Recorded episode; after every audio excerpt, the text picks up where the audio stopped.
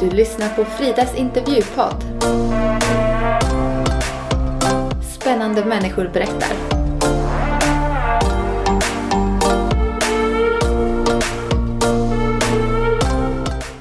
I det här poddavsnittet får ni möta Khalil som är uppvuxen i den kurdiska delen av Iran. Han var en ung kille som ifrågasatte mycket av sin egen kultur. På grund av regimens förtryck och i brist på demokrati och yttrandefrihet flyr han en dag landet. Resan till ett fritt land har varit svår och han har fått betala ett högt pris för att vara där han är idag. Eh, vi hade tur att eh, när vi var framme så började det regna. Vi hade regnat under resan så hade vi säkert eh, drunknat. Eh, Men det är vattnet också. Det är inte det här vattnet som vi dricker eller liksom. Det är svart vatten som vill bara äta upp dig. Eh, Och sen var vi liksom 40-50 personer på en liksom gummibåt. Man sitter trångt. Ja, Hej Khalil! hejsan. Vad roligt att jag får komma hem till dig i Göteborg. Absolut. Välkommen. Tack! Hur, hur är läget idag? Nej men eh, det är bra. Är bra med mig. Ja. Absolut. Solen skiner. Ja, vi går mot eh, ljusare tider så det känns bra. Ja. Och det är ju jättespännande att jag ska få ta del av din berättelse. Du har inte alltid bott i Sverige. Nej, Jag tänkte bara ställa någon liten fråga innan. Och det är om kulturkrockar och så tänkte jag. Eh, ja, har du mött någon kulturkrock i Sverige? jag tror det första var ju eh, när jag firade jul med min extra pappa, liksom med min extra familj, så det, eh, då serverade de sylt till mig. Och jag tyckte att det var en kul- kulturkrock. Det kommer till mat så var det så stor skillnad mellan min mat och den maten. Så där märkte jag den första kulturkrocken. liksom. Just det, med sylten. Ja. Visste du vad man skulle ha sylten till? Egentligen så åt de det bara så. Eh, Jag vet inte om de lagt något salt på det. Men, eh, men det var... Jag tyckte det var obehagligt. Ja. Nej, Det, det här landet vill jag inte bo i. Efter, men inte den maten vill jag. Nej. Jag vill inte att det är. Vad är den bästa maten eh, eh, som du är uppvuxen med? Eh, Det bästa faktiskt är bull med och sen fanns det också eh, fasol, jag vet inte vad, alltså bön, vita bönor. Man gör gryta med den. Sen finns det kött i det, så det med ris och sallad. Så det är också jag gillat väldigt mycket. Mm. Gott. Du, på tal om ditt hemland och så. Vill du berätta lite var, vart exakt ifrån du, du kommer ifrån? Jag är ju från en by. Den är väldigt nära gränsen, liksom. Iran och Irak. Vi tillhör ju Iran. Men vi är väldigt nära gränsen. Eh, så vi är iranska medborgare, vi är kurder, etnisk kurder. Och bott i Iran och eh, hela våra liv. Så hur var det att växa upp? för dig? Eh, det har varit liksom ett, ett liv, ett speciellt liv. Eh, jag växte upp med liksom mycket tradition och religion och islam och, och eh, jag kommer ihåg att när jag gick grundskola så började jag liksom så började jag eh, ifrågasätta saker väldigt mycket. Eh, till liksom omgivningen, min familj och Vad var det som du liksom ifrågasatte och vad som startade dina tankar? Jag började ju liksom ifrågasätta eh, kulturen, religionen, sättet man eh, behandlade kvinnor, eh, levnadssättet. Även om jag var född där så kände jag inte mig hemma där. Såklart, jag älskade ju liksom Kurdistan och min mat och min kultur och min dans. Men det fanns ju saker som gjorde att jag inte kunde känna mig hemma. Vad kunde det vara ungefär? Eh, enorm förtryck. Enormt förtryck och eh, Var det förtryck allmänt i kultur eller mer? det, det har funnits olika eh, förtryck. Det är bland annat liksom det förtryck som fanns det i kulturen, i familjerna liksom. Sen var det ju en annan eh, liksom, eh, förtryck och det var ju det som staten hade liksom kontroll över och förtryckte liksom. Har eh, tänkt väldigt mycket över det. Vi som är kurder, vi, vi räknas inte som liksom alla andra. Liksom. Vi är medborgare nummer två Eh, vi, vi blir diskriminerade, vi blir förtryckta, vi, vi, vi är väldigt begränsade i samhället. Så det finns ju väldigt mycket, men det, det var ett exempel. Mm. Så då också som kurd, att leva där, Mm. så känner ni er också begränsade. Ja, väldigt begränsade. Mm. Eh, Hur har det påverkat dig när du växte upp? Jag växte upp med, med, att ifrågasätta, att veta varför. Ofta i, i de kulturerna vi är ifrån, de trycker ner, de liksom stänger och man får inte fråga. Man får inte det. Eh, Men, men jag var ändå, jag var ändå faktiskt eh, inte rädd på att fråga. Och eh, det har ju, jag har ju betalat pris också, liksom. Att jag nu ifrån min familj. Det. Att jag lämnat och kom in till Läkningsland. Mm. Ja. Men efter grundskolan så började du att studera. Ja, efter grundskolan så, så kom jag liksom hemifrån, från hembyn. Eh, under gymnasiet så, eh, så fick jag träffa en sån här person som jobbade på biblioteket i skolan. Och eh, han var en sån här kurdisk person som hade, som kunde väldigt mycket om kurdisk historia. Så vi fick ju, eh, vi som i skolan hade, vi som hade bra betyg, skulle jag säga, eh, han, vi samlades ju ibland och så han pratade för oss och så presenterade han liksom nya böcker. Men en gång så tog ett samtal och så berättade han för mig och några andra kompisar om en stor kurdisk ledare som blev mördad av, av regimen. Han hade kämpat för, för demokrati och liksom eh, att eh, vårt folk ska ha tillgång till mänskliga rättigheter. Eh, men blev mördad av månderna i, Österrike. Ja, i Österrike? Ja. Oj. Vet du när detta var? Aha. Tio, tio år efter revolutionen, 89, 1989. Så jag fick höra om honom och då eh, påverkade mig väldigt mycket.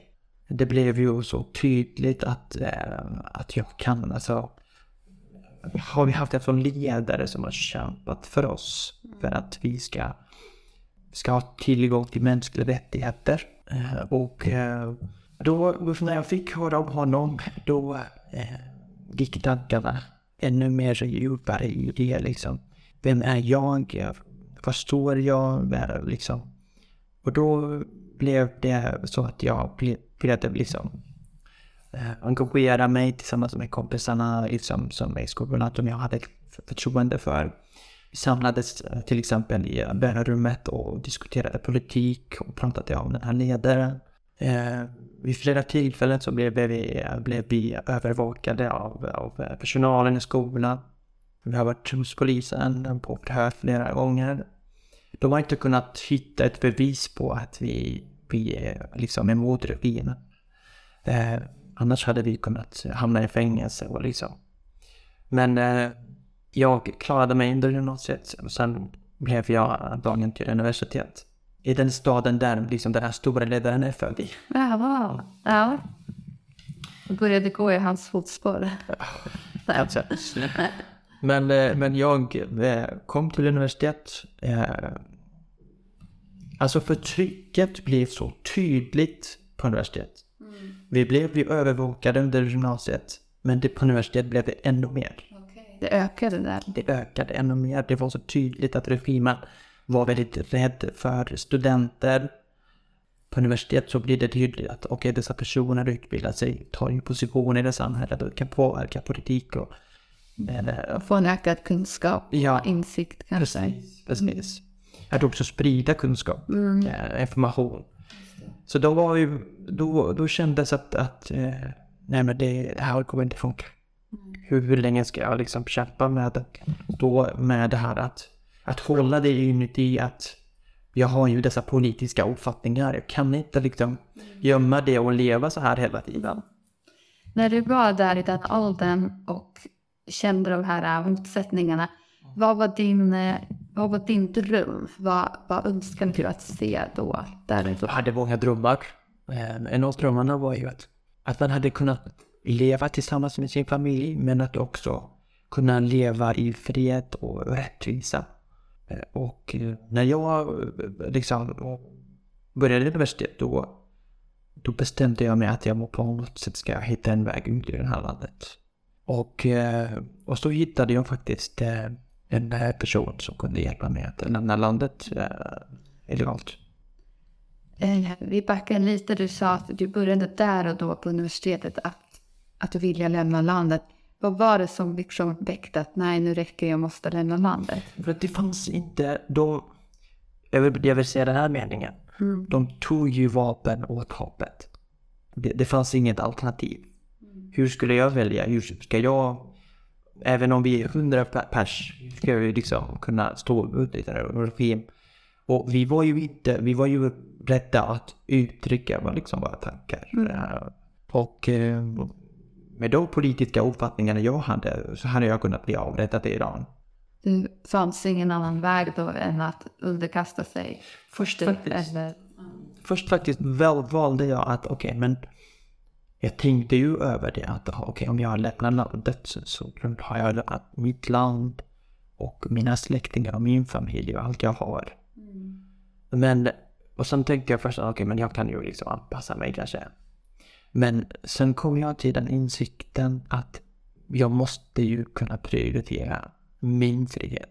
Om jag ska gömma eh, alla mina tankar och liksom ska jag leva hela livet så här. Eh, så jag, det var ett jättesvårt beslut att ta. Mm. Men jag tog ju det beslutet, vad jag är. Mm. Du, du är. Eh, stod du själv i det här beslutet eller hade du någon uppbackning? Jag stod själv. Mm. Jag, jag kunde inte dela det med någon annan. Om jag hade delat det med mina syskon, med min mamma eller min pappa så hade de inte äh, tillåtit mig att lämna landet. Så jag stod helt, helt ensam. Mm. Den dagen när du skulle lämna, eh, hur kände du då? Hur sa du hej då liksom? Jag sa ju hej då men de hörde inte det. Nej. Jag var ju på universitetet, jag besökte min familj. De hade de var jätteglada att nu Khalil går till universitet, han lugnar sig ner, han vill utbilda sig och liksom bilda familj och liksom eh, och anpassa sig. Men de, de visste inte att jag hade andra planer. Jag besökte faktiskt min familj och sen eh, tog jag bara en liten ryggsäck och sen lämnade jag det. Och det här med illegal flykt. Eh, Finns det något annat sätt eller är det den vägen man behöver ta? Eh, när, när man är, jag tänkte bara förklara lite. Mm. Här, mm. När man är född och uppvuxen i Iran och när man är klar med gymnasiet så har man liksom två vägar att ta. Antingen eh, gör man militärtjänst, alltså för vanlig soldat innan universitetsstudier. Gör man liksom militärtjänstgöringen efter universitetsstudier så kan man bli anställd utan lön och göra militärtjänst. Och alla måste det då? Alla måste. Men inte kvinnor. Bara män? Män. män. Så jag, jag hade inte gjort militärtjänst. Och i Iran om man inte har gjort militärtjänst så kan man inte skaffa pass och då kan man inte lämna landet lagligt. Så jag var tvungen att lämna landet illegalt. Mm. Ja, mm. den, den vägen tog jag. Mm.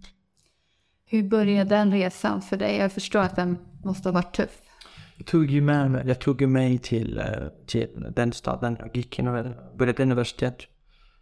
Eh, den är, där är väldigt nära gränsen till Turkiet.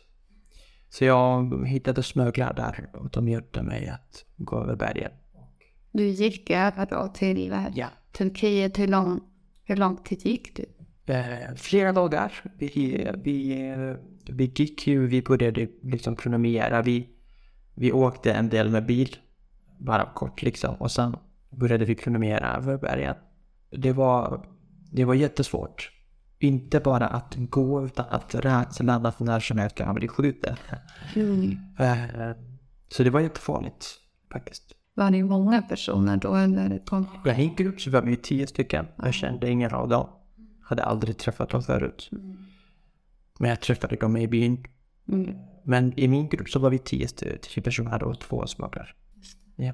Hur gick resan sen då från Turkiet? Vi kom ju in i en by i Turkiet till slut, kvällen. Eh, efter två dagar och sen promenerade vi väldigt mycket genom Turkiet för att vi åkte buss och bil när, när det kändes tryggt. Men det var, när det var poliskontroll så var vi tvungna att gå av och eh, gå runt poliskontrollen. Eh, och sen kan vi åka vidare. Men sen, jag var i Turkiet, jag var i, Istanbul och i eh, Izmir. Och eh, så jag åkte med gummibåt därifrån till, till Grekland. Och här i Sverige så har vi ju hört om nyheter ibland med gummibåtar och Mm. migranter som kommer med gummibåtar eh, till Europa från olika platser, inte bara Mellanöstern. Men, och du var ju verkligen en av dem som vi hör om bara på nyheterna, att nu kommer en till gummibåt med människor. Ja. Eh, Jag förstår att det måste ha varit en traumatisk upplevelse där så du får berätta det du vill och inte. Men ja, hur, hur var det liksom på den sidan? Ehm, jag kommer ihåg när jag var i Turkiet. När man inte hade sett den båten, havet, så var man inte så mycket rädd att "Ah, nej, vad kan jag klara detta. Nej, men ju mer närmare vattnet kommer du, desto mer rädsla kommer. Ehm, jag kommer ihåg att, att eh, vi promenerade genom en skog och så kom vi till stranden. Och så kom polisen och sen gömde vi oss och sen, det var ju liksom mitt i natten. Eh, och, eh, och så hade smugglarna sån här liksom eh, båten färdigt liksom där framme och vi, vi kom ju fram till, till eh, stranden. Men det var mörkt. Men jag hörde faktiskt vattnet. Jag hörde när vattnet rörde sig. Eh, det här kom en enorm rädsla till min kropp. Även om jag kunde simma så, eh, så blev man rädd att, att nej, men det här är ju hemskt. Det här är fruktansvärt. När som helst kan jag drunkna, när som helst kan jag... En stund blev, en stund blev jag rädd. Att jag inte kunde tänka. Eh, utan att jag tänkte bara på mig själv och mitt liv. Sen gick tankarna faktiskt till, till mina systrar, till mina syskon, till, till mina föräldrar. Jag talade faktiskt med dem. Sen jag talade jag, jag kände ju inte Jesus. Men jag talade till Gud. Eh, jag, jag var ju liksom muslim.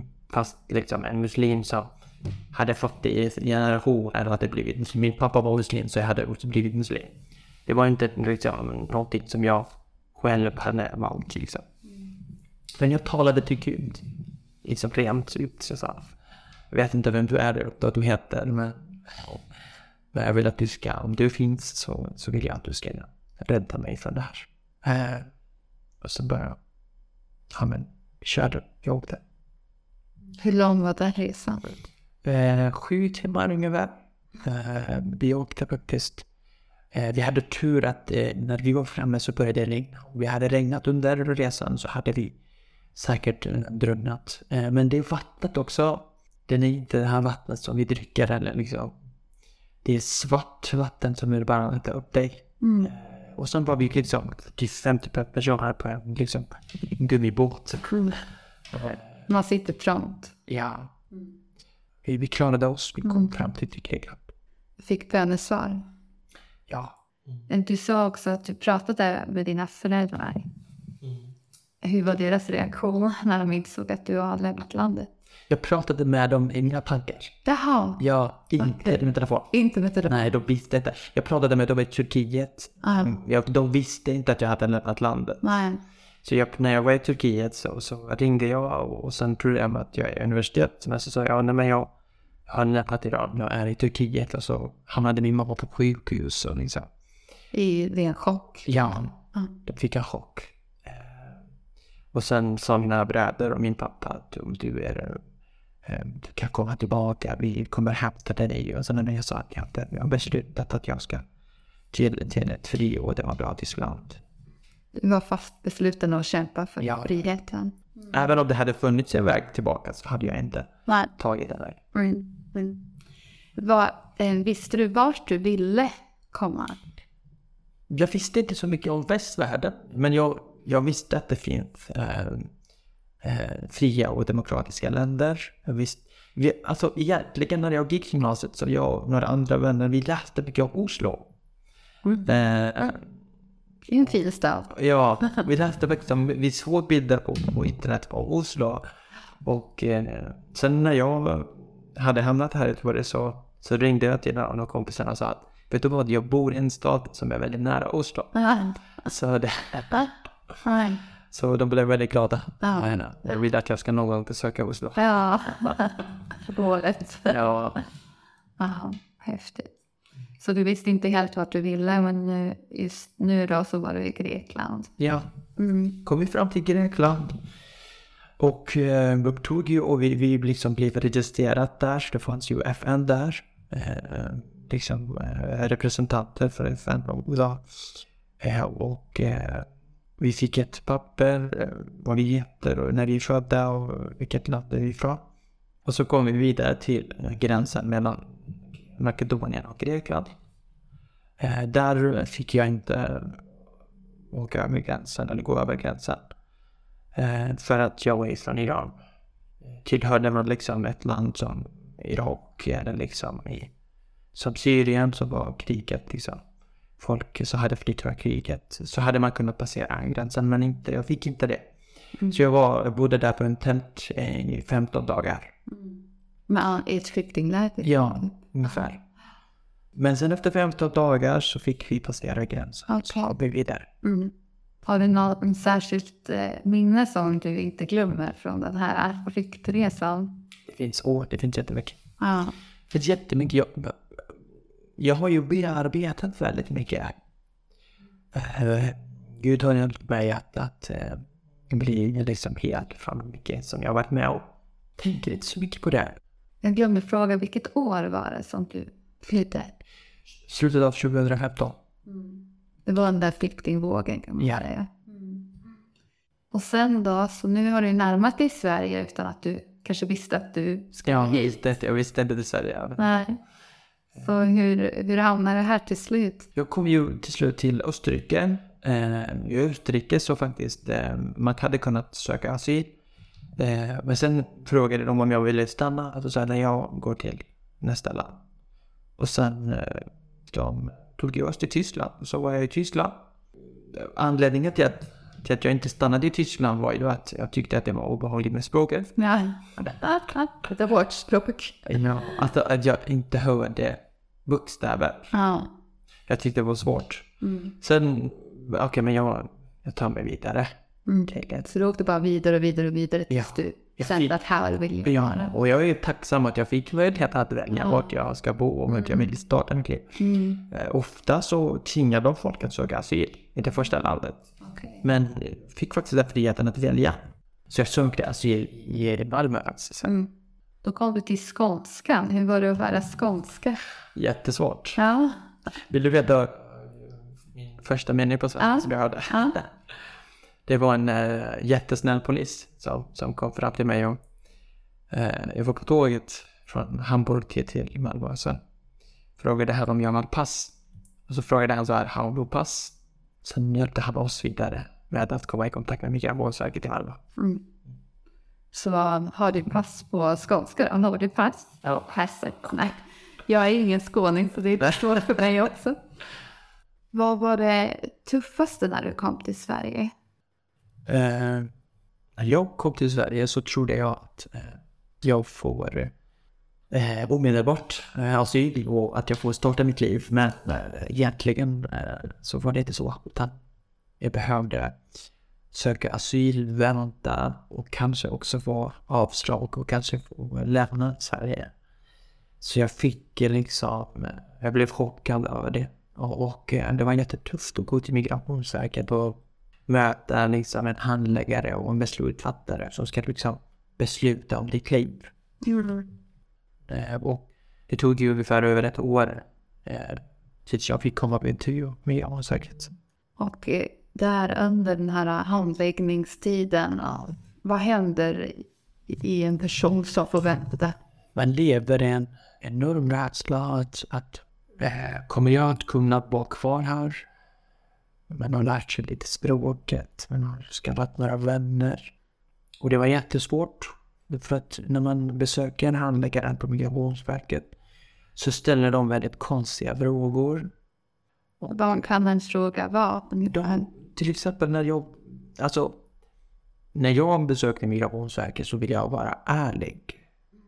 Och så när jag talade om frihet och mänskliga rättigheter och demokrati så säger han till mig Du kan väl åka tillbaka till ditt land och bygga demokrati där. Och då sa jag till den här meningen till honom att kan ju inte bygga det för att de tillåter inte.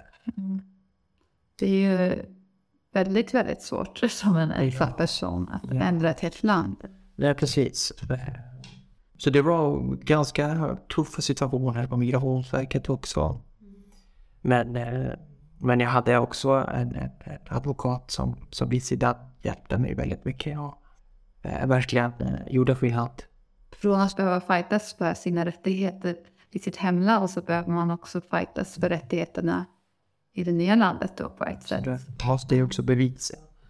Att man har riskerat saker, att man har lämnat allt man har. Man har liksom bara rest, kommit hit. Man har ju...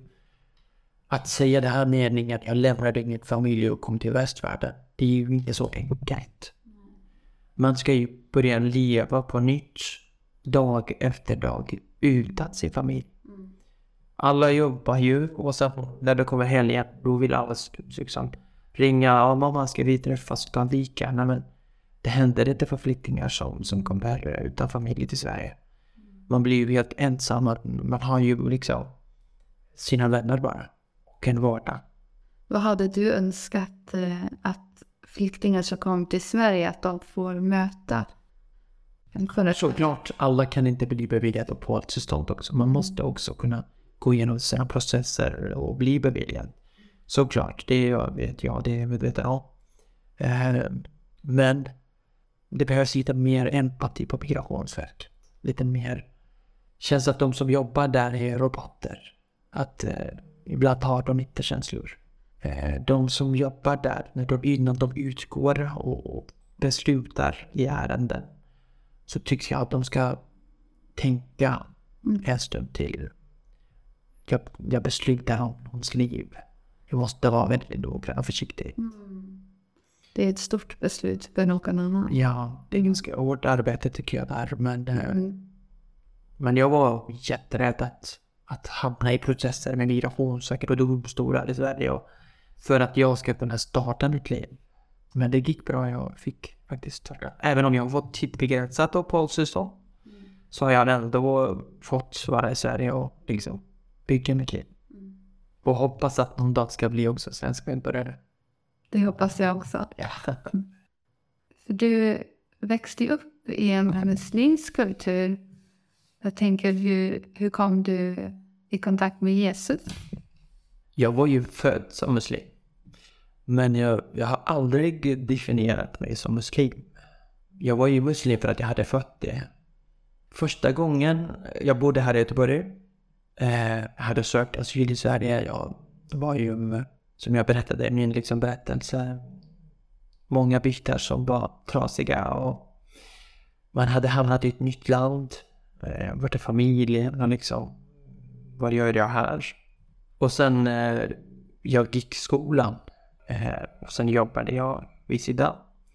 Och sen en dag jag var ute, det var en eh, lördag och det var en eh, persisk församling i Smyrnakyrkan. Och så mötte jag en kvinna vid Järntorget. Jag hade lärt mig lite svenska. Men hon eh, såg att jag satt där och var ensam och så kom hon och frågade om jag ville följa med till kyrkan.